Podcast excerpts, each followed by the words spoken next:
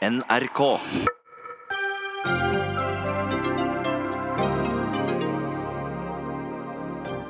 Hemmelige møter mellom Høyre og KrF før Erna Solbergs åpning for å endre abortloven, avslører VG i dag. Sentralstyremedlem i KrF krever ekstraordinært landsstyremøte, mener avsløringa svekker grunnlaget for partiets retningsvalg. Tusenvis tok til gatene denne helga i abortdemonstrasjoner, men da en mannlig venstrepolitiker ville holde tale, fikk han nei fra kvinnegruppa Ottar. Ikke gjør abortkampen til en kjønnskamp, innvender kommentator. Og regjeringa vil gi flere mulighet til å få dobbelt statsborgerskap. De prioriterer diplomatbarn og utenlandsstudenter foran kvinner og barn som dumpes i andre land, protesterer Senterpartiet.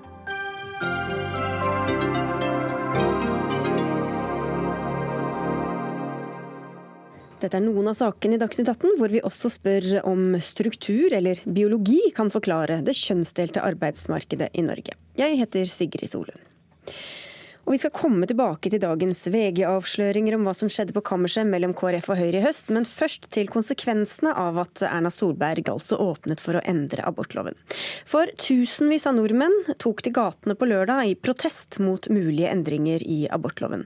Men ikke alle var like velkomne til å holde appell. I Stavanger fikk bare kvinner tale, bestemte kvinnegruppa Ottar, som sto for arrangementet. Og dermed fikk du beskjed om at du ikke fikk gå opp på talerstolen, Jan Erik Søndeland. Du er altså Venstres ordførerkandidat i eh, Stavanger. Hvorfor endte dette opp med at det var, at det var du som skulle representere Venstre i utgangspunktet? Ja, eh, Saken var den at vi hadde en kvinnelig eh, representant fra Unge Venstre, en veldig dyktig ung kvinne som ble syk. Eh, så hun ringte meg på fredag morgen og sa du, nå ligger jeg i spybøtta her og er syk, kan du steppe inn? Eh, for vi hadde snakka om denne appellen i forkant, meg og hun, og begge engasjerer oss i den. Og så sa jeg ja, selvfølgelig. Da må du gi beskjed til, til Ottar at jeg kom istedenfor. Som hun da gjorde, og kom tilbake og sa nei, det var ikke greit. Så spurte jeg ja, eh, hvorfor det? Eh, nei, fordi du er mann. Vennligst finn en, en annen. da ble jeg litt overraska, det må jeg innrømme. Ja, overraska, men du ble også lei deg, har du vel sagt? Ja, jeg, jeg, jeg hadde jo faktisk gleda meg når jeg begynte å, å, tenke på det på morgendagen som var da. og Eh, dette er en sak som jeg, bryr meg om. Eh, dette er en sak som eh, mange av oss menn bryr seg om. Og jeg hadde lyst til å være der kanskje som, en, som noe annet enn de damene som som regel alltid tar denne kampen. Å være en mann og vise at eh, vi bryr oss òg. Det hadde jeg lyst til, og da vi ikke fikk muligheten, så syntes jeg det var litt, var litt, trist. Og så håpte jeg jo kanskje at de kunne ombesøve seg, da, men, men, men, det var ikke mulig. Anne Stø, du er leder i kvinnegruppa Ottar. Hvorfor ville dere ikke høre hva han hadde å si under demonstrasjonen på lørdag? Det er altså ikke slik at uh, hvis man melder frafall til å holde en appell, så kan man finne sin, sin egen vikar. Altså, det er jo de som arrangerer demonstrasjon, som finner fram til, til appellanter på bakgrunn av tidligere engasjement, eh, ting som er uttalt uh, osv. På markeringene i, helga, altså hvor 25 000 personer i landet, kvinner og menn, og barn var ute i gatene for å slå ring om de norske abortrettighetene. Eh, så var det jo slik at de aller fleste ikke fikk lov å tale. Eh, det er jo bare et lite utvalg som, som får lov til å tale. Eh, og jeg syns jo dette er en trist og uverdig oppvisning fra, fra, Venstres ordførerkandidat, at han ikke kunne respektere arrangørenes valg. Ja, For det var en, en strategi dere hadde, at det var kvinner som skulle tale på lørdag da? I Stavanger valgte vi den strategien. I Oslo gikk vi også inn for at kvinner skulle tale. Eh, og det er jo faktisk sånn at det er kvinner som, som blir gravide. Det er vi som må leve med konsekvensene av et, eh, et svangerskap og et uønska svangerskap. Det er kvinner som tar abort. Ingen mann har noensinne måttet møte foran en abortnemnd. Så det er helt naturlig eh, å velge å eh, profilere kvinnelige talere eh, på en markering som handler om kvinners selvbestemmelse over egen kropp. Ja, Sønderland, Hvordan, hvordan syns du selv det så ut? da? Så at en kvinne blir invitert, og så velger hun en mann, eller så, så stiller dere med en mann i stedet for et spørsmål som er så viktig for, særlig for kvinner? Nei, jeg, tror ikke vi trenger å gjøre det så svart-hvitt. fordi at nå er vi i 2018. Jeg tror eh, både Ottar og, og, og oss i Venstre, og egentlig de fleste, eh, tror på det faktum at eh, både menn og kvinner engasjerer seg her. Så Det var egentlig ikke en tanke som streifa oss at det skulle være noe, noe problem. Og det, det, er det heller ikke i det hele tatt. Jeg har lyst til, å understreke det. Um, her var det jo ingen intensjon for oss å lage noe, noe bråk eller noe, noe sånt som dette her. Men, men, vi hadde lyst til å si litt ifra at i 2018 så er det kanskje greit å tenke seg litt om i forhold til å, å slippe til òg menn i kvinnesaker, som berører kvinner først og fremst, men som jeg òg tror mange menn eh, engasjerer seg i. Ja, altså, nå var det jo andre menn eh, og kvinner for den saks skyld, som ikke fikk lov å holde appell på, på lørdag. I Oslo eh, ville vi bl.a. ikke ha Jonas Gahr Støre som, eh, som, appellant, med henvisning til nettopp det at vi ønska kvinner.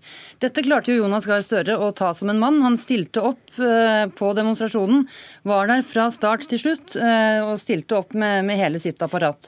Og det eh, at du går ut på denne måten i mediene, er jo virkelig et bevis på at du ikke setter denne saken eh, Eh, foran deg selv, og at det er din egen eh, person som du ønsker å markere.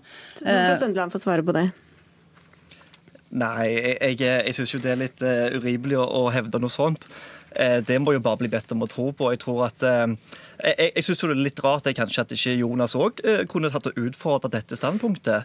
Um, uh, når det, når det, er sagt, um, så, så, så, ble jo dette en sak som ble blåst opp eh, nasjonalt av kanskje NRK og NTB, som sendte det ut. Jeg hadde jo et oppriktig ønske om å kanskje heller ha en god dialog lokalt der, og så kunne vi eh, ordne det på den måten. Okay. Men jeg syns egentlig vi må komme oss litt videre fra dette her, og heller over på liksom um, Er det ikke fornuftig kanskje å, å ha menn òg i, i, kampen for kvinner? Men han trenger ikke ta opp taletid og sånn, og det var heller ikke en, et faremoment her.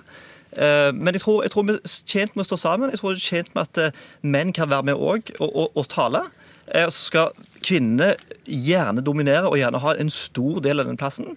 Men jeg tror vi står sammen, så kommer vi enda lenger. Og da høres det enda bedre inn på regjeringskontoret til Erna Solberg. Du skal, du skal få svare på det, Søm. Vi skal trekke inn deg også i Eikefjord. Du er kommentator i Bergens Tidende og sier at det hadde vært naturlig at menn også fikk holde appell, også i Oslo og Stavanger. Hvorfor det? Jeg syns det er nokså snevert å anse abortspørsmålet som eh, utelukkende som en kvinnesak. Eh, akkurat nå er det et veldig viktig politisk spørsmål som angår eh, familier og parkonstellasjoner. Og Det som står på spill nå, er jo ikke bare abort i seg selv, men å la familier og par ta informerte valg for sin egen fremtid. Og Det er et spørsmål som bør og faktisk engasjere både menn og kvinner. Og så er det noe sånn at De fleste kvinner få barn med en mann. Eh, og dette er like mye et spørsmål for menn som for kvinner. Eh, abort, svangerskap og fødsel er ikke like mye et spørsmål for, for menn som for kvinner. Eh, altså, dette er kvinners kropp. Eh, kvinner som tar eh, ja, disse viktige valgene, som skal ta disse viktige valgene, eh, og som, og som denne, dette abortinngrepet skal, skal utføres på. Eh, men det er klart at eh, det er viktig at menn støtter opp om denne saken. Vi forventer at menn er med og støtter opp om denne saken. Eh, altså selvbestemt abort er et av de viktigste fundamentene for, for økt likestilling i Norge. Og uten disse rettighetene så blir vi altså et land på, på linje med, med, Polen, som grovt reduserer kvinners rettigheter. Men ved å da gjøre det til, til, et kvinnespørsmål, sånn som man kan si at det blir gjort hvis det bare er kvinner som skal få holde appell, kan du være med på å gjøre saken snevrere og mindre viktig enn den da ville vært ved en mer inkluderende holdning om at menn var minst like velkomne til å holde appell som kvinner? Jeg mener at vi valgte riktig strategi. Eh, på, vi hadde òg et ønske, i hvert fall i Oslo, om å ikke ha for mange stortingspolitikere eller eh, politiske partier representert. Fordi vi ikke ønsker å, å gjøre dette til, til, dette politiske spillet, men, eh, men, vise i hvilken grad denne saken angår kvinner, alle kvinner, og at, at dette er en viktig rettighet som er høyt heva faktisk over det politiske spillet. Mm, og det var nå en gang Ottar som var med og, og arrangerte fjor, og kan vel bestemme selv hvem de skal ha på talerstolen og ikke? Ja, absolutt. Og nå blir det jo blitt ganske kaotisk og lidelsesfullt for alle hvis alle menn som ønsker det, skal få en talerstol hele tiden. Men det er jo ikke dette som er spørsmålet. For det første så fikk jeg inntrykk av at det var et ønske om å høre perspektivene til Venstre som parti. Og det er jo faktisk ganske interessant, fordi at de sitter i regjering og er et liberalt parti med en viktig liberal stemme. Og da bør det jo egentlig være ganske irrelevant hvem som fremmer synspunktet til dette partiet. Men bare, for, jeg, jeg, bare for å følge opp det, fordi det var eh, En kollega av deg i Stavanger Annestø, som sa det er typisk at kvinner må vike for viktige menn når saken blir stor og får mye oppmerksomhet. Det var organisasjonssekretær eh, Asta Beate Haaland som sa dette til, til, NRK. Her hører vi hva som har skjedd, at det var en som ble syk og spurte en eh, kollega om å overta. Er det da egentlig en riktig beskrivelse av det som har skjedd? At en viktig mann kom og liksom fortrengte en kvinne? Det var faktisk to kvinner som meldte forfall fra Venstre. En fra Unge Venstre og en fra Venstre. Og det viste seg da vi sa at vi, at vi sto på at vi ønska en kvinne fra Venstre, at eh, en av de som da hadde trukket seg, på mystisk vis klarte å stille allikevel. Eh, så vi stiller jo spørsmål ved hva som har foregått i Stavanger Venstre i denne saken, eh, og syns det ser veldig ut som at man ønsker her å profilere en ordførerkandidat framfor å slippe kvinnene til. Ja, da får du svare på det, Søndeland. Ja, Det må jeg få svar på. for Det, det var litt sånn mistenkeliggjøring. Det er jo ikke riktig i det hele tatt at noen trakk seg på mystisk vis. Gangen i dette tror jeg du kjenner til hvis du sjekker med dine folk, er at uh, Unge Venstres representant ble syk. Hun spurte meg, vi fikk nei, og så sendte vi andre kandidat, som er det naturlig, uh, som er kvinne. Uh, det er ingenting annet enn det. Og, men jeg, jeg, hadde egentlig ikke lyst til å ha en sånn, sånn liten kjempedebatt hva var sannhet med meg og Otta, men, okay. men jeg tror at jeg, jeg kan si at jeg forstår Eh, at Ottar syns det er litt ubekvemt eh, om en mann stiller spørsmål rundt dette eh, når de har en policy. Det jeg håper vi kan få til nå, er jo en, en debatt om kanskje hva neste gang, hva, hva, gjør vi da? Og kanskje i fremtiden så håper jeg at det kan være mer armslag. Hvis vi, hvis vi er innom Bergen før vi avslutter her i Oslo, så Eikefjord, hva mener du de kan gjøre med likestillingskampens appell og legitimitet, hvis, hvis menn føler at de blir møtt på en lite inkluderende måte? Altså, jeg syns egentlig det er ganske ironisk at eh, åtte da, som har hatt som fanesak å kjempe mot utestenging på grunnlag, grunnlag av kjønn alene, nå ønsker å stenge menn ute på nett, grunnlag av nettopp det. Og så reagerer jeg òg på den mistenkeliggjøringen og mistroen som menn som engasjerer seg i denne saken, blir møtt med. Som om de eh, skal bare være noen form for abortprofitører og ikke har et ekte engasjement. Og Det syns jeg er underlig å tillegge folk den type motiver. Altså Det å skulle markere seg sjøl framfor å være opptatt av sak. Da skal du få avslutte, Anne Stø her. Nå er det jo da en gang slik at uh, menn ikke har livmor. Menn kommer ikke til å stå i den situasjonen hvor de, skal, hvor de må utføre en abort. Og vi gjorde denne vurderinga uh, denne gangen. Kanskje vi vil gjøre andre vurderinger en annen gang. Men da blir det i hvert fall at vi vil spørre en mann som respekterer kvinners nei. Ok, jeg tror vi må avslutte der. Takk skal dere ha alle tre. Ane Stø fra kvinnegruppa Ottar, Eirin Eikefjord fra Bergens Tidende og Jan Erik Søndeland fra Venstre i Stavanger. Og vi kommer tilbake til abortsaken når vi får besøk av eh, Olaug Bollestad i KrF litt seinere i sendinga. Dagsnytt 18 alle hverdager klokka 18.00 på NRK P2 og NRK2.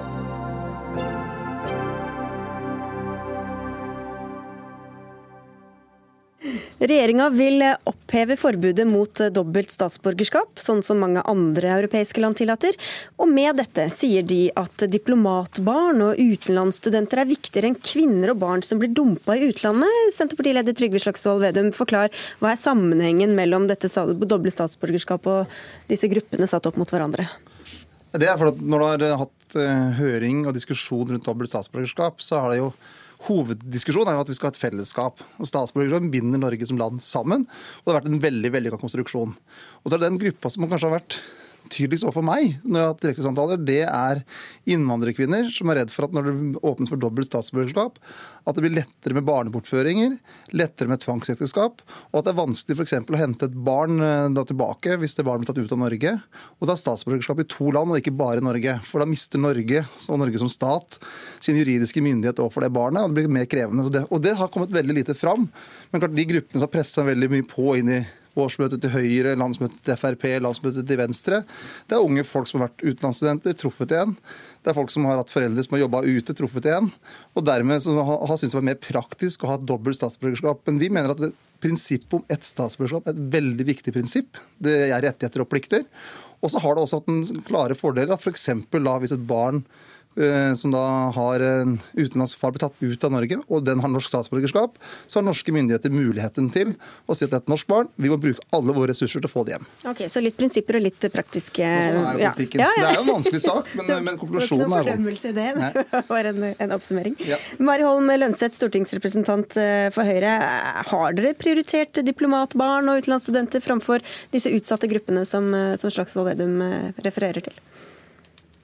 Nei, jeg er enig med Vedum med det at det er vår jobb å, å forhindre tvangsekteskap, og, og, også sørge for at folk ikke blir bortført. Men da blir også den omsorgen som Senterpartiet nå viser for de her barna, også ganske hul.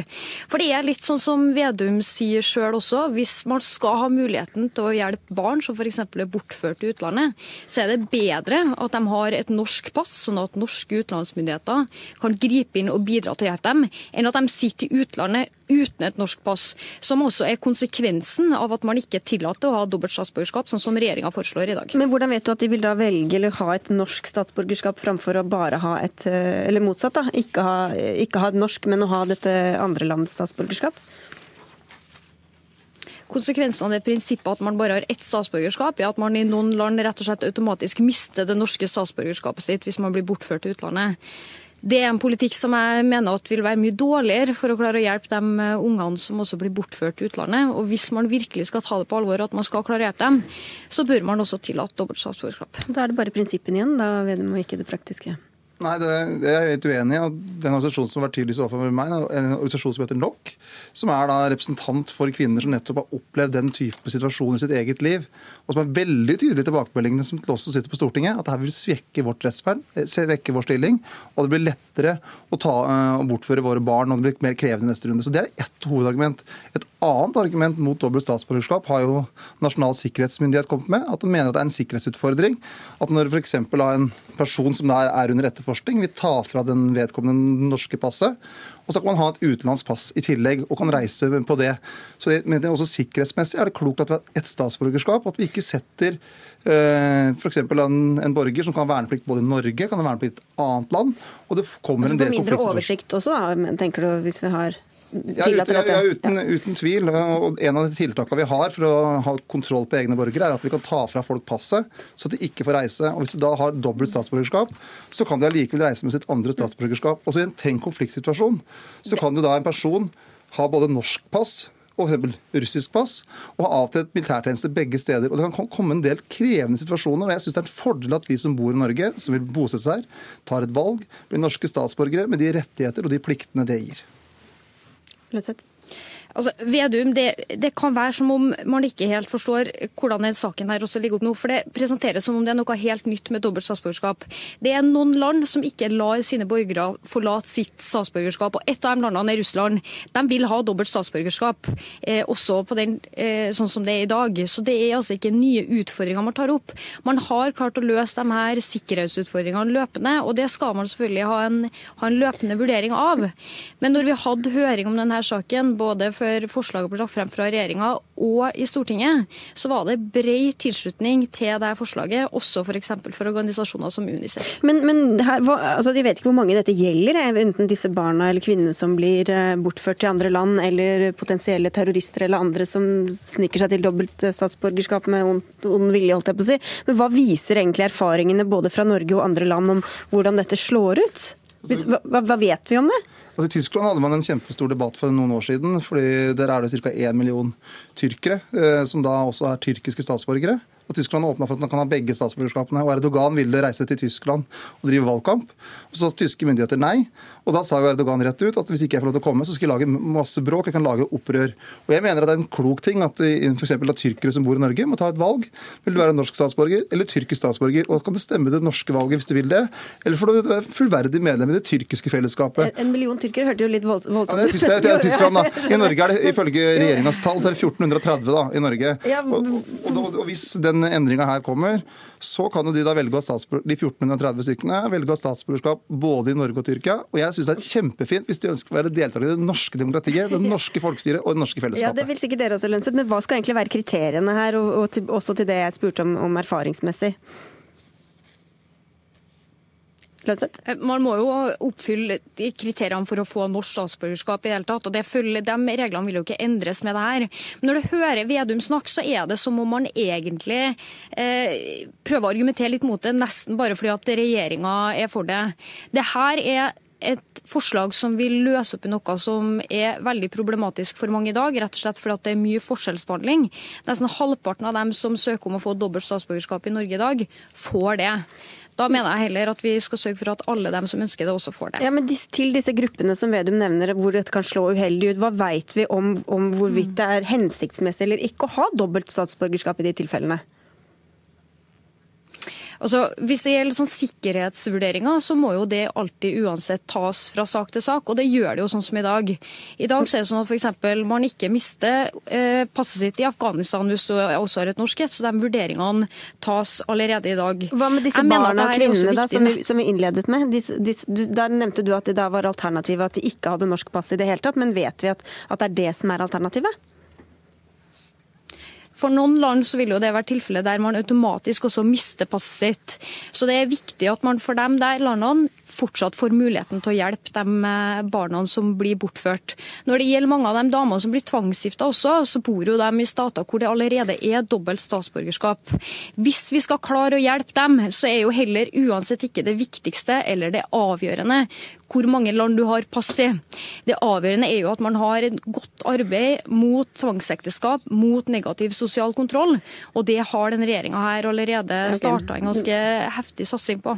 Det er selvfølgelig alltid skummelt å bruke ett eksempel og si at sånn er verden. Men en av de personene som har valgt å møte meg, eh, hadde en egenopplevd opplevelse nettopp på det at hun var norsk, bodde i Norge hele sitt liv, hadde utenlandsk bakgrunn. Foreldrene henta en ektemann til henne. Eh, og henne, deres felles barn hadde heldigvis bare norsk pass. Og vedkommende som hun gifta seg med, hadde et ønske og trua med å ta barnet ut. Og at Det var så utrolig bra at han hadde norsk pass, hadde de sanksjonene som gjorde at de ikke hadde mulighet til å ta med seg barnet ut når faren ville det. Og Det er den type tilfeller som ganske, har kommet mange til oss, i hvert fall, som har sagt for at det kan skje i sterkere, sterkere grad. Og hvis et barn har både et norsk pass eh, og et utenlandspass, så blir det vanskeligere for norske myndigheter i utlandet å hjelpe det barnet, for da har det like sterkt tilhørighet til det andre landet. Og Derfor så mener vi at det har vært litt klokt da, Men, at, at, at, foreldre må ta et valg. Skal det være ha et norsk pass eller skal det ha et utenlandspass? Og Det er også eh, en klok tilnærming for oss som land at vi prøver å få flest mulig til å velge å ha et fullt og helt fellesskap i Norge. Avslutningsvis helt til kort til slutt, Lanseth. Alternativet er at mange av de barna her vil miste norske statsborgerskapet sitt, og at norske myndigheter står helt uten mulighet for å klare å hjelpe de barna som har blitt bortført til utlandet. Skal vi klare å hjelpe dem, så er man også nødt til å sikre at de her barna ikke blir fratatt det norske statsborgerskapet sitt i utlandet. Dere, da er vi tilbake der vi starta, tror jeg. Takk skal dere ha begge to for at dere var med i Dagsnytt 18. Mari Holm Lønseth fra Høyre og Trygve Slagsvold Vedum, Senterparti-leder.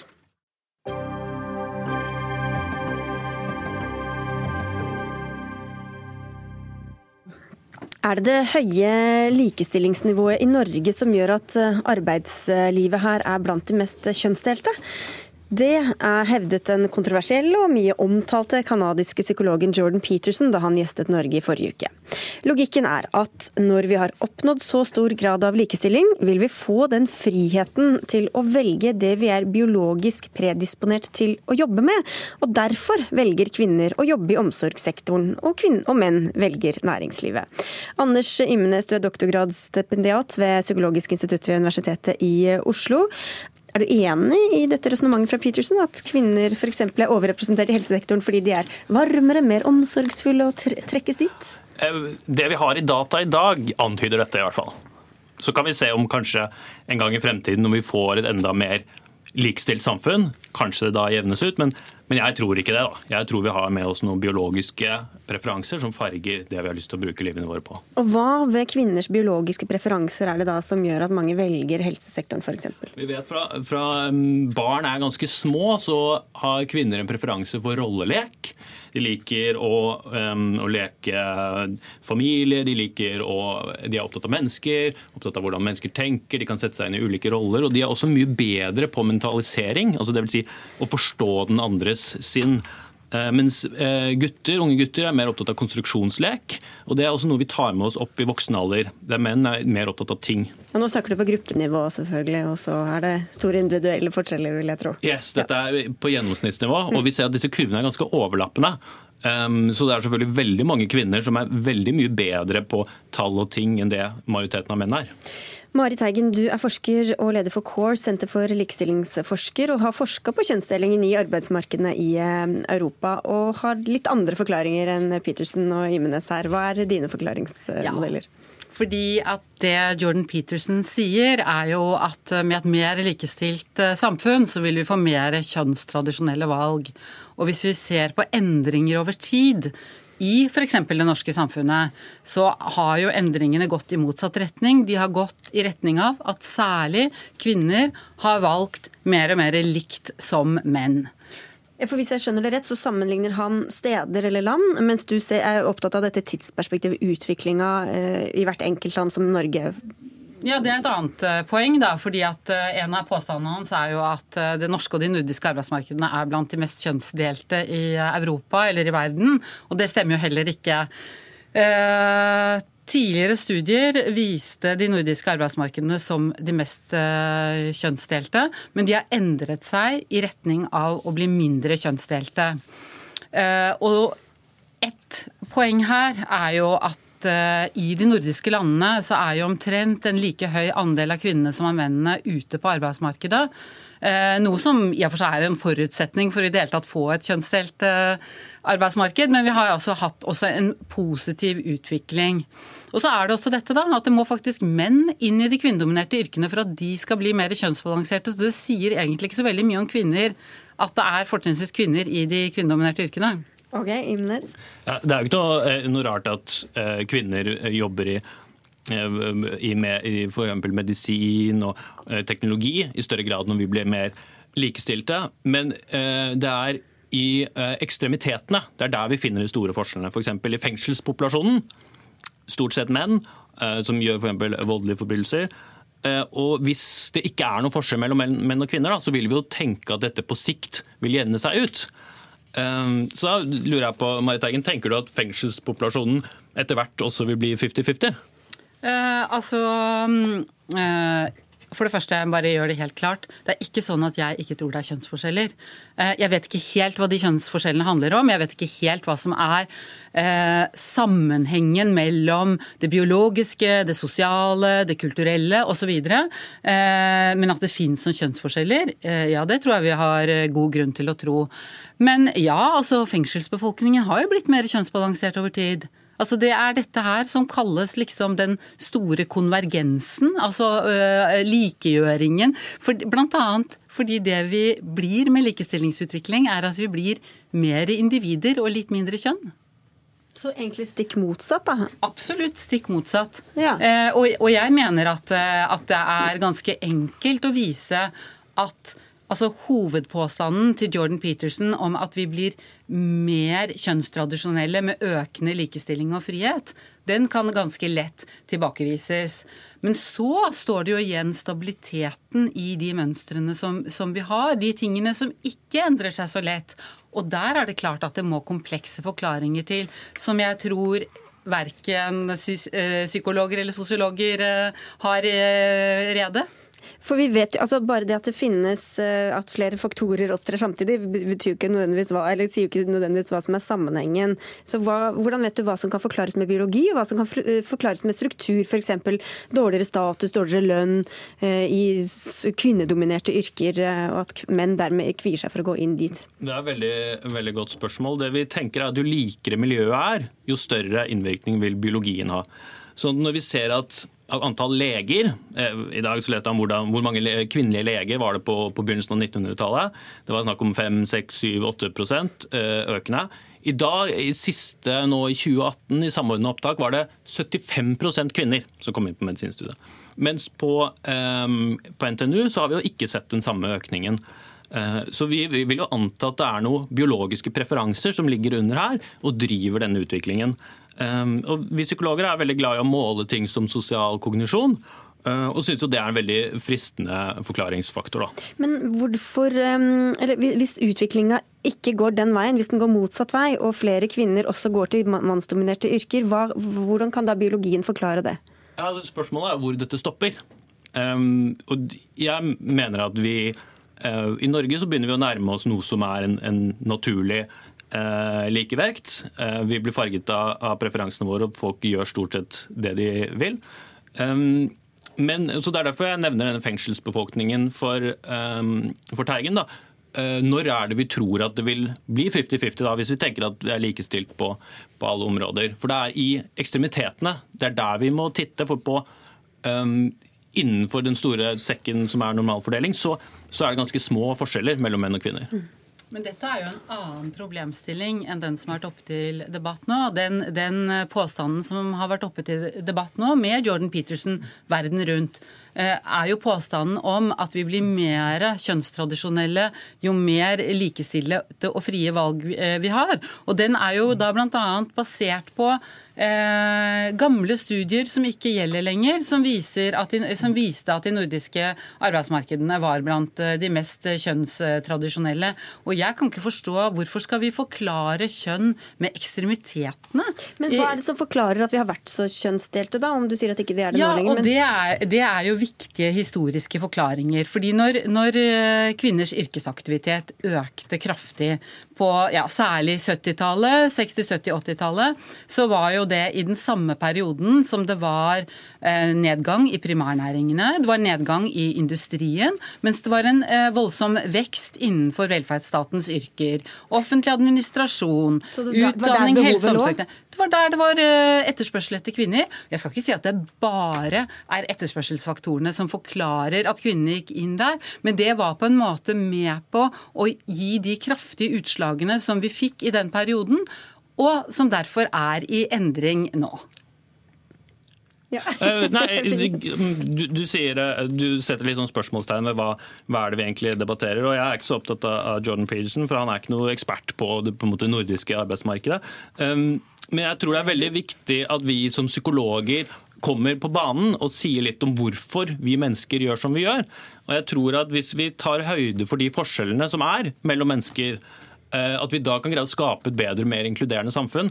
Eh, og det er jo særlig, Vi, vi som psykologer er jo opptatt av marginaliserte grupper. Jeg har selv jobbet med, med gutter som faller utenfor på eh, både ungdomsskolen og, videregående.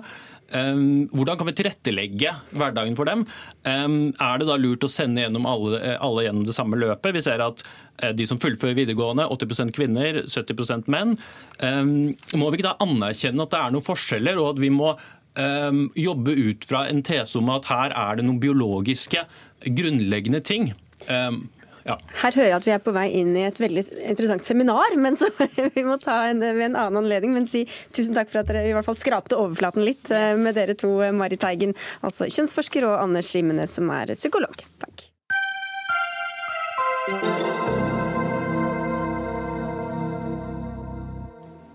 Det var vel få som hadde sett for seg at eh, abortspørsmålet skulle bli den mest brennhete politiske saken i høst. Men da KrF skulle gjøre retningsvalget sitt tidligere denne måneden, var mulige endringer i abortloven et av de mest sentrale punktene etter at Erna Solberg altså åpnet for å gjøre slike endringer.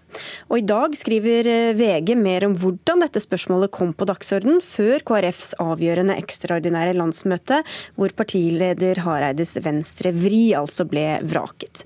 For begge begge de to nestlederne i partiet, som ønsket å samarbeide med Erna Solbergs regjering, hadde et møte med statsministeren og flere andre i Høyre i forkant, hvor abortloven ble løftet fram som en viktig sak for at KrF skulle velge sonderinger med regjeringa.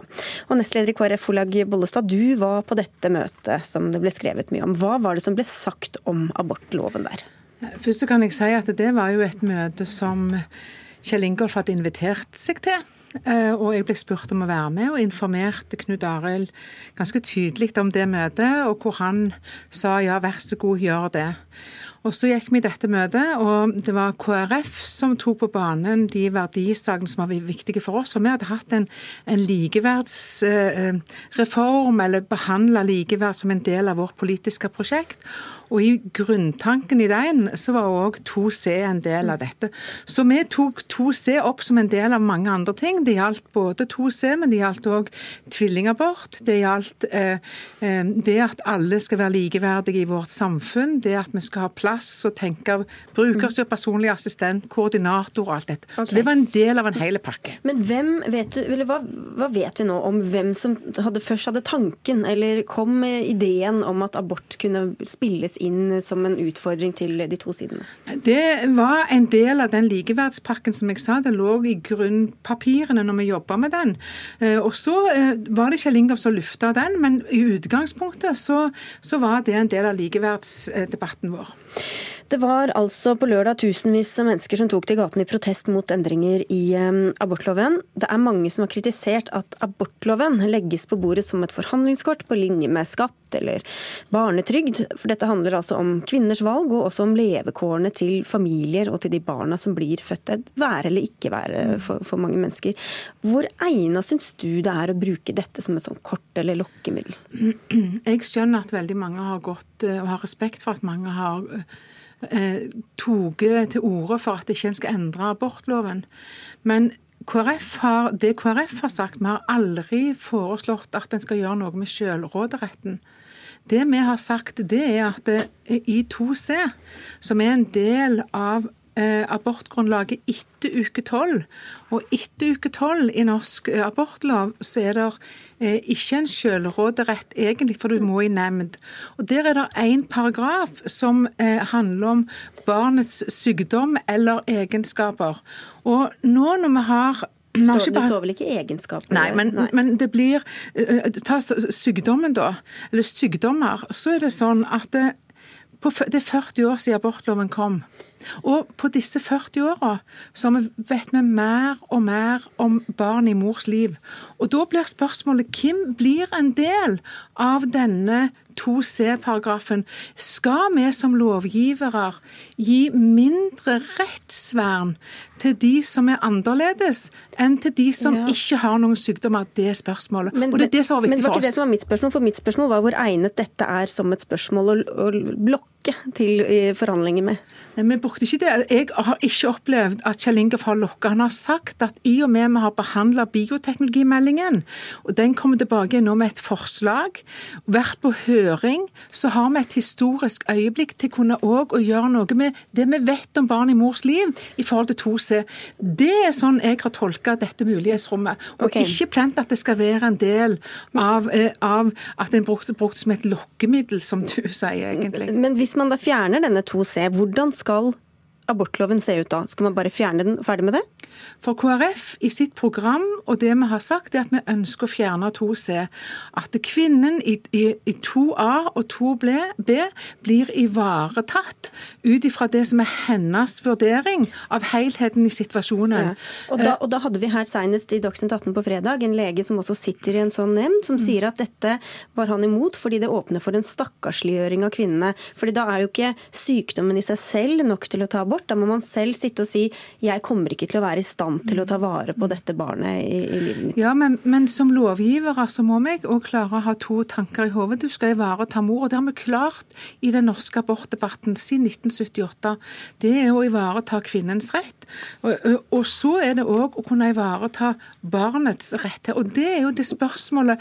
Det er jo skal vi som stat ha et mindre rettsvern for de som har en lidelse? Det er spørsmålet. Og, og, det, og det, er det, det som har vært viktig for oss i dette. Det, det, er utgangspunktet deres, men hvis man bare fjerner 2C, da er du enig i at da vil kvinnene eller familiene måtte sitte og sannsynliggjøre at de ikke takler et nei, veldig sykt barn? Nei, for dette, de må jo i dag òg si noe begrunne hvorfor de velger å ta abort etter uke 12. For det er ikke i dag heller eh, selvbestemt abort nei, etter men, uke 12. Men, men det, da har vi denne paragrafen som i seg selv gir rett til abort ja, hvis det er et ja. alvorlig sykdom hos fosteret. Ja, og, og da, er det, er det, jo egentlig barnet som, som eh, får annen, et annet rettsvern, eller om du hadde vært et friskt barn. Ja, Men og da er du enig at da må, da må, kvinnen, hvis man bare fjerner 2C Nei, må ikke Syde, for dette, den som er i nevnd, Det er viktig for meg å si at nemndene våre som er i dag, og som jeg mener òg vi må videreutvikle, må kunne møte kvinnene på en måte som gjør at de verken føler skyld, at de får vite om mulighetene eh, hvis de skulle velge det motsatte å bære fram. Altså, det handler jo om kunnskapen og måten å møte en kvinne på, sånn at en ikke skal føle at en skal måtte be på sine knær. Det mener jeg, det er ikke det som ligger i dette. Men for meg som lovgiver så er jeg opptatt av å kunne verne omkring at alle barn skal ha det samme samme rettsvernet. Men hva ligger da i det? Betyr det at du tenker at like mange skal abortere som i dag? Altså ta senabort som i dag? Jeg, jeg tror ikke at dette er det første som skjer at aborttallet går ned. Det tror jeg ikke. Men en, for meg er det viktig å signalisere som samfunn at alle barn er like velkomne, og at samfunnet skal kunne ivareta òg de som har spesielle utfordringer, og at de skal ikke diskrimineres i norsk lovverk. Og så tror ikke jeg at det i seg selv vil gi færre aborttall, men for meg er det et signal til at det òg for de kvinner som velger det motsatte, skal være greit. Og det forplikter meg som politiker og å kunne ivareta og gi rettigheter til de familiene hvis de velger det motsatte. Men de familiene som har allerede barn med veldig alvorlige sykdommer og som er veldig pleietrengende, der det, har vi også hørt mange historier med folk som sier at vi ønsker ikke å endre abortloven fordi vi ønsker å ha det siste ordet der om om vi takler, både for foreldrene og for søsknene, å få et nytt, nytt, barn som er så alvorlig sykt. Og da har jeg lyst til å si, For det første så handler denne likeverdsreformen hos oss om mye mer enn 2C. Den handler om å kunne ivareta òg de familiene. Men jeg er opptatt av at det blir til sjuende og sist, som jeg sier, kvinnens betydning betyr mye. Men jeg må òg klare å ha to tanker i hodet på en gang og si ja, men jeg har òg et ansvar for at alle barn eller alle eh, foster i mors liv skal ha det samme rettsvernet. Det er det viktige for meg. Og så blir kvinnens helhetssituasjon vurdert sammen med den nemnda som i dag. Men da får de barna eller de fostrene mindre eh, rettsvern hvis de har en, en, en, veldig ung eller en veldig fattig mor, enn hvis de selv har et, eh, en alvorlig sykdom. Da, da for å bruke deres ord, da diskriminerer man, men på et annet grunnlag? Nei, men Da er det jo vår, vårt ansvar som samfunn å stille opp for disse barna, om du har ei rik eller fattig mor eller far. Det er jo vårt ansvar jo, men til aborten, alle barn. Nå snakker jeg om aborten, da. Altså en potensiell abort. Nei, men det, det, spørsmålet skjønte jeg rett og slett ikke. At, okay. ja. For, jo, poenget er at hvis, I dag så kan man da bli diskriminert, som du sier, på grunnlag av, uh, av at fosteret har en alvorlig sykdom. Ja. Men med, hvis man bare fjerner 2C, så kan man bli diskriminert ut fra at man har en mor som ikke er, er gammel nok eller har penger nok eller er, orker å, ha, å, å oppfostre det. Nei, sånn opplever ikke jeg det. For meg er det viktig å gi barn i mors liv akkurat det samme rettsvern som alle andre. Det er hele poenget for oss. Og det er det samme synet jeg ønsker å ha i samfunnet generelt. At alle skal ha den samme mulighet ut fra sine forutsetninger og i samfunnet. Det ligger til grunn for hele vårt menneskesyn. Ok. Du, snart skal vi høre fra en som er veldig skuffa over det som har foregått i kulissene i dag, som VG skriver om, om som mener at KrF må ha et nytt landsstyremøte. Skjønner du de følelsene og det kravet? Eh, ja, Jeg hører at det er mange som ønsker et nytt landsstyremøte, og det har vi ingen problemer med. å sette. Det kan vi godt gjøre, men utfordringen er jo å kunne, eller det vi ønsker å gjøre, det er å kunne si eh, det som egentlig har skjedd. Eh, for det er jo ikke sikkert at VG heller har sannheten for alt det som har vært i denne prosessen. Det kan jo være det er noen andre nyanser i dette òg. du må gjerne fortelle om dem her, men det får bli en annen gang. Du kan velge om du vil bli sittende eller gå, Olaug Bollestad. Vi skal få litt flere mennesker inn i studio. Tusen takk skal du ha for at du kom. For det har altså vært store reaksjoner etter VGs sak i dag om Høyres aktive og strategiske rolle i dette abortutspillet. Karin Bjørkhaug, du er sentralstyremedlem i KrF og var på Hareides linje i veivalget, og ber altså om et ekstraordinært landsstyremøte. Hvorfor er det nødvendig? Jo, jeg tror det er viktig, sånn som eh, Olaug også sier, at vi får eh, anledning til å drøfte her i fellesskap gjerne rundt bordet. Men at alle som er implisert i denne saken, får anledning til å si sitt. Eh, og så er det litt viktig for meg å si at Et nytt landsstyremøte det høres jo litt ut som at det er en omkamp. Jeg mener at vi trenger et ekstraordinært landsmøte der vi får snakka sammen om det her som VG skriver. Landsmøte eller landsstyremøte? Landsstyremøte. Landsstyremøte ja. For all del. Ikke, så, ikke så omfattende altså, som et landsstyremøte. Men hva var det du ikke visste fra før av det som er kommet fram i dag, hvis vi nå tar, tar det for god fisk, det som har stått i VG? Det som jeg syns kom, eh, kom fram i VG, som, som ble tydeligere, da. Eh, det handla om hvor sterkt Høyre har vært inne i forhold til å eh, snakke om konkret politikk og strategi i forhold til det. det ble Det bildet syns jeg ble litt problematisk. Og Hva tror du det kan ha hatt å si for utfallet for KrFs del? Jeg opplevde det nok sånn at mange la vekt på nettopp det her, når at de valgte side.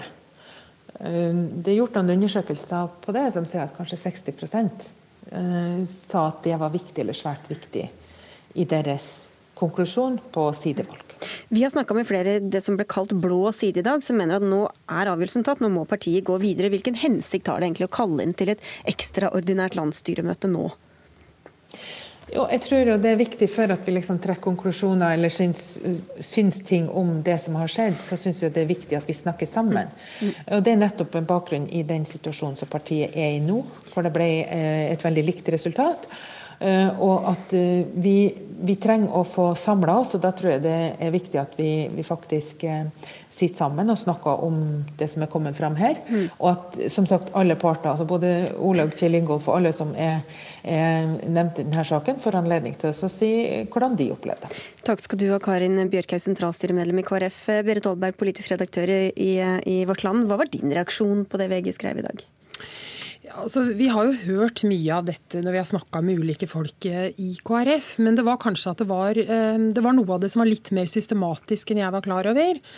Eh, det er vel det at de har diskutert eh, ganske mye eh, direkte med da Erna Solberg, informasjonsavdelinga i Høyre. Og så kom jo det liksom på toppen av det vi vet fra før at Høyre har vært ganske tydelig med å kommentere dette i offentlighet. Så det blir kanskje det at bildet av hvor aktive Høyre har vært inn mot KrF, kanskje er enda kraftigere enn det vi allerede visste fra før av. Politisk redaktør i Aftenposten Trine Eilertsen, bunnløst naivt av Hareide, sier du nokså nådeløst lest. Hvor, hvor, hvorfor har han vært så naiv, denne KrF-lederen? Ja, nei, altså det er jo eh, Når uh, Kjell Ingolf Ropstad og Olav Bollestad sier at de skal ha et møte med, med Erna Solberg, så uh, regner jeg jo med at Hareide skjønner at det ikke var for å snakke om planer for høstferien eller noe som ligner på det, eller hva de hadde gjort på høstferie. Han, han skjønner jo at da kommer jo politikk til å bli tema.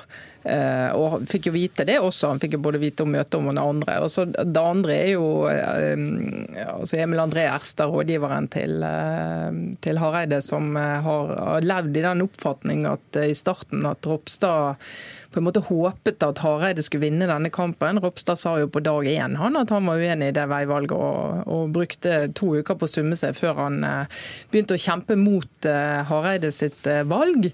Og Da virker det veldig naivt å tro at du kan gjøre det som Hareide gjorde 28.9, og ikke møte motstand mm. på ekte. Og så er vel spørsmålet hvor hardt Ropstad hadde gikk ut, og at der er det reaksjoner på det. Men, men Hareide selv, Berit Olberg, holdt jo også kortene temmelig tett i brystet før, rett før han gikk på talerstolen og sa at han ønsket at partiet skulle samarbeide med Arbeiderpartiet og Senterpartiet.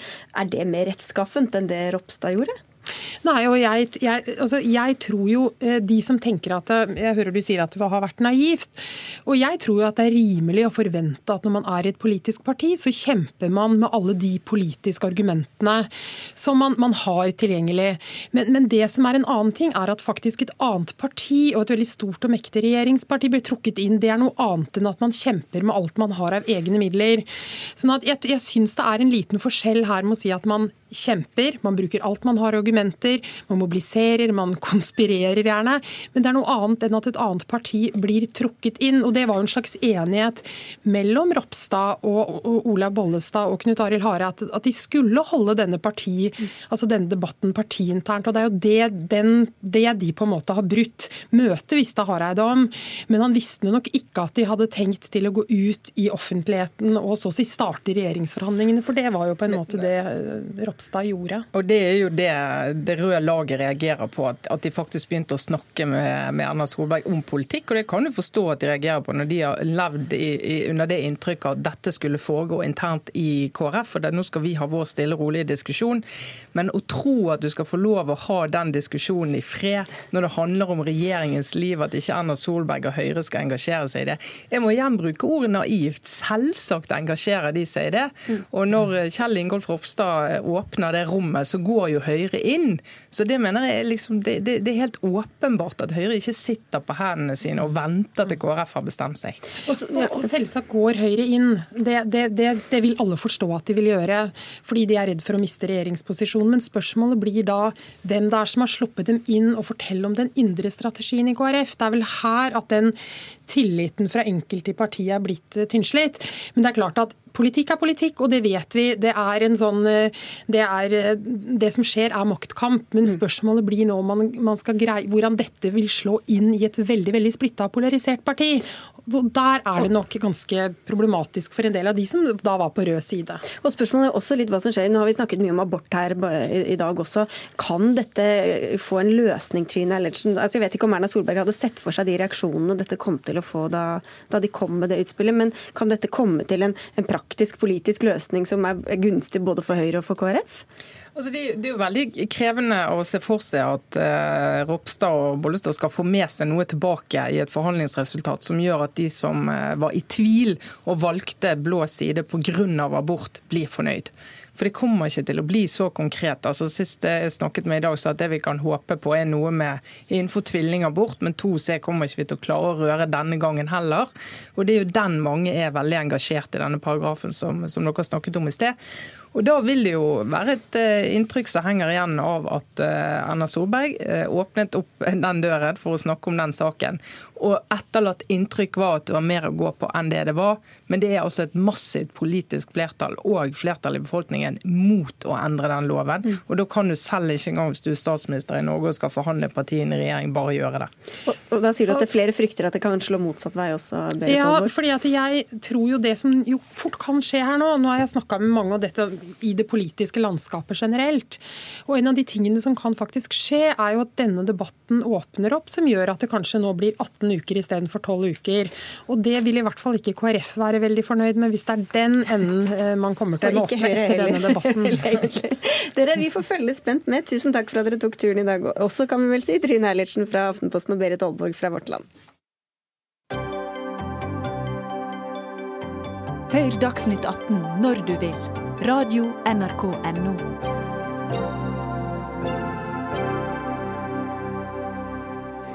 Det faktum at et børsnotert britisk selskap tar over passasjertrafikken på Sørlandsbanen i 2020 har vakt stor oppmerksomhet. Go-Ahead utkonkurrerte både NSB og svenske Statens Jernveger, spesielt på pris. Og Senterpartiet, dere reagerer på hvordan dette skjedde, Sigbjørn Gjelsvik. Du sitter altså på Stortinget for mm. eh, Senterpartiet. Hva er det dere reagerer på i prosessen her? Det er jo de opplysningene som har kommet ut eh, at Jernbanedirektoratet var tett på å si at Go-Ahead eh, burde avvises, fordi at eh, det hadde en usunn økonomi. Og fordi at de da leverte dårlig på kvalitet, virka som. Så har det òg kommet fram at det har vært møte mellom Jernbanedirektoratet og, Go-Ahead. Og jeg tenker jo at det her er viktig å gå ordentlig gjennom prosessen. Hvorfor eh, har en valgt sånn som en har, har gjort? Og vi er ikke tilfreds med de svar som så langt har kommet. Men det er vel en sannhet med modifikasjoner at de sa at, at kvaliteten var dårlig. De sa tvert imot at kvaliteten var veldig jevn på disse tre, men at, at Go-Ahead da lå mye bedre an på pris. Ja, altså Go-Ahead skårte jo dårligere enn de andre på kvalitet. Eh, både når det gjaldt eh, miljø og sikkerhet, eh, når det gjelder punktlighet og når det gjelder og f.eks. det å ivareta vedlikehold, sånn å sørge for at togene blir bra òg i framtida. Sånn at Vi skal òg huske litt av historikken til Go-Ahead. for at Go-Ahead er jo et stort selskap som driver i Storbritannia. Der har de, altså blant alle togselskaper som en har i Storbritannia, så skårer altså Go-Ahead eh, blant de dårligste på eh, kundetilfredshet. Og det selskapet skal vi altså invitere inn i Norge. Vi må si at vi hadde en avtale med samferdselsminister Jon Georg Dale, og har hatt det i flere dager, om at han skulle komme i dag. Men seint i ettermiddag kom det kontrabeskjed. Statsråden ville ikke stille uten Jernbanedirektoratet, som altså ikke hadde anledning til å, å delta. Men uh, Gjelsvik, det var altså Jernbanedirektoratet direktoratet som styrte denne prosessen. Men du mistenker gjør du det, at det har vært et politisk press også fra regjeringshold? Altså, noe av det første som Jernbanedirektoratet sa etter at eh, konklusjonen var klar, var altså at det var viktig å få inn nye eh, aktører på persontransport i Norge. Det er jo helt uenig. Det er ikke viktig å få inn nye aktører. Det som er viktig, er å gi norske reisende på tog et godt tilbud. Da mener jo vi at en heller burde bruke ressursene på, på å samle seg, gi et best mulig tilbud, istedenfor sånn som en har fått med jernbanereformen. Bruke massevis, altså milliarder kroner på anbudskonkurranser, på nye direktører istedenfor folk som jobber på jernbanen. Det blir ikke noe bedre tilbud for, for folk enn det som det har vært fram til i dag. Men Det er jo et politisk spørsmål hvor dere har et ulikt syn, men det betyr jo ikke at det har vært noe skittent spill i kulissene her? Nei, men altså, Det er jo spørsmål om hva som har blitt eh, vektlagt. og Når Jernbanedirektoratet selv så sent som 13.9 skriver altså at de vurderer å avvise Go-Ahead som aktør, fordi at eh, de stiller spørsmål ved økonomien i eh, anbudet det at de legger til grunn at de skal kunne levere omtrent det samme til en mye lavere pris. I en sånn situasjon så skal en nettopp vurdere å avvise et eh, tilbud. og eh, Det som har kommet fram etterpå, har ikke vært tillitsvekkende fra verken Jernbanedirektoratet og heller ikke statsrådens side. Og så er jo ingen av dem her, men vi har deg her, Katrine Elgen. Du er mobiliseringsdirektør for Go Ahead i Norge. Du ønsket ikke å gå i noen debatt med, med Senterpartiet her, men svare på spørsmål hva skjedde egentlig mellom at Jernbanedirektoratet sa at dere lå helt usaklig lavt på, på, pris, eh, og til dere plutselig satt der og hadde vunnet anbudet? Nei, Det var jo en forhandlingssituasjon eh, i siste rundene av det reviderte tilbudet. Og Der var vi i dialog med våre leverandører, som eh, heller ikke hadde noen andre å gå med videre i konkurransen. Eh, da vi var den eneste som de satset på. Det var klart at de var interessert i å komme med konkurransedyktige priser for oss. Så der var det en del av, eh, av, prisforskjellen. I tillegg så har vi sagt at vi har eh, høye vekstrater, eh, ambisiøse planer, men også realistiske. Og i det så ligger det økte inntekter for, for oss, som vi videre har sagt at vi ønsker å spille det helt tilbake til staten ved å be om et lavere vederlag enn det vi kunne gjort. Vi kunne gjort som mange spår eh, og si at vi er opptatt av profitt og skal sende penger tilbake til moderselskapet, men det har vi ikke gjort. Vi har sagt at vi tar hele tilbake til staten. og Derfor så blir vedlaget såpass mye eh, Forskjellen i vedlaget som vi ber om, kontra de andre, såpass stort. Men hvordan skal vi kunne stole på de tallene dere presenterer her, når de tallene dere presenterte opprinnelig, ifølge Jernbaneverket nærmest var nok til å avvise hele tilbudet? Vi har ikke endret noen ting når det gjelder vekstrater. De var helt like i det andre og det tredje innleverte tilbudet. Hva er det dere har endret det? Nei, Vi hadde forhandlinger med våre, våre samarbeidspartnere som utgjorde en del i forskjell. Men, men den, den, eh, vederlagsforskjellen som det vises til, den har vært der hele tiden. Eh, og det har vi ikke gjort noen forskjell på. Mye av det som skjedde i forbindelse med den, hvorfor det var behov for et avklaringsmøte også, var knyttet til forståelse av vår måte å kalkulere eh, prisene på, som, som begrunnes i britiske modeller som er svært anerkjente. Og du kan finne massevis av lærebøker på det som ikke direktoratet var kjent ved. Eh, så da måtte vi opplyse det om hvordan vi hadde gjort våre beregninger. Og når de forsto hvordan vi hadde regnet og hadde forståelse og så for at det stemte, så kunne de være trygge på at ja, vår økonomi og våre tall var faktisk sunne, for de stemte overens. Men så, så er det også dette med erfaringene fra England som det også ble vist til. altså Hvor dere har, eh, moderselskapet har eh, hatt skal vi se, skandale på skandale også, i, også med tanke på punktlighet og med tanke på, på tilfredshet hos, eh, hos passasjerer passasjerene. En forbrukerorganisasjon Which spurte 14 000 passasjerer i fjor om kvaliteten på togselskapene, hvor dere havnet altså helt i bunnsjiktet. Hvorfor er det dere leverer i Norge så annerledes enn det dere har levert der? Fordi vi bygger et norsk, norsk selskap og en norsk operasjon og organisasjon. Så vi skal være lokale. Vi har eh, lokale ressurser. Vi har eh, i dag gått ut med at jeg kommer til å bli daglig leder i dette selskapet. Vi ansetter også norske ressurser. Og de løsningene som vi har beskrevet, de er basert på erfaring som vi har fra alle tre persontogselskapene i Norge eh, med tilførsel av eh, erfaring og kompetanse fra både England og, og, Sverige. Og Den operasjonen som vi har bygget, den har vært ene og alene tuftet på kvalitet hele veien. Vi har ikke hatt fokus på lav pris overhodet. Og det er det som også skal bidra til at vi får flere og mer fornøyde kunder, som også er hele målet med hele denne konkurransen. Det ser ut som du holdt på å sprekke, Gjelsvik, så du må få 20 sekunder på slutten.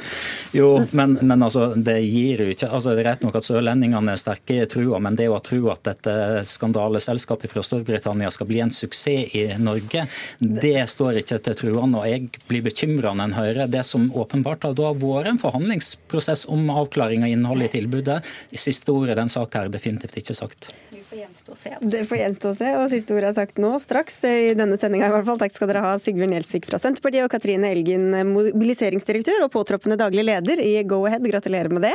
Da er Dagsnytt 18 over for i dag. Det var Jaran Ree Mikkelsen som hadde ansvaret for innholdet i sendinga. Det var Hans Ole Hummelvold som hadde ansvaret for det tekniske. Og jeg heter Sigrid Solund, og vi ønsker en fin kveld videre.